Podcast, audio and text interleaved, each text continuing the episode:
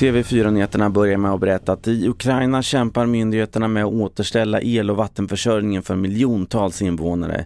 I huvudstaden Kiev saknar fortfarande fler än hälften av hushållen el efter de massiva ryska attackerna som är de värsta som hittills drabbat energiinfrastrukturen i Ukraina.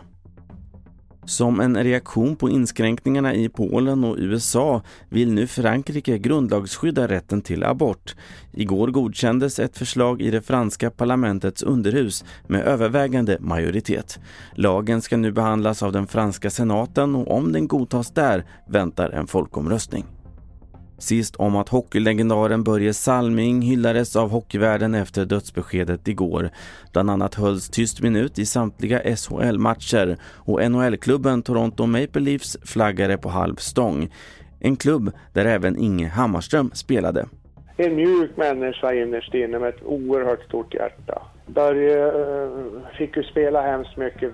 Både tränare och, och alla runt omkring visste ju att med, med Börje på isen så har vi större chans att vinna. Va? Så att, eh, det är jobbet just nu. Det är svårt att hitta ord. Börje Salming drabbades av ALS och blev 71 år gammal. TV4-nyheterna, Carl-Oskar Alsen.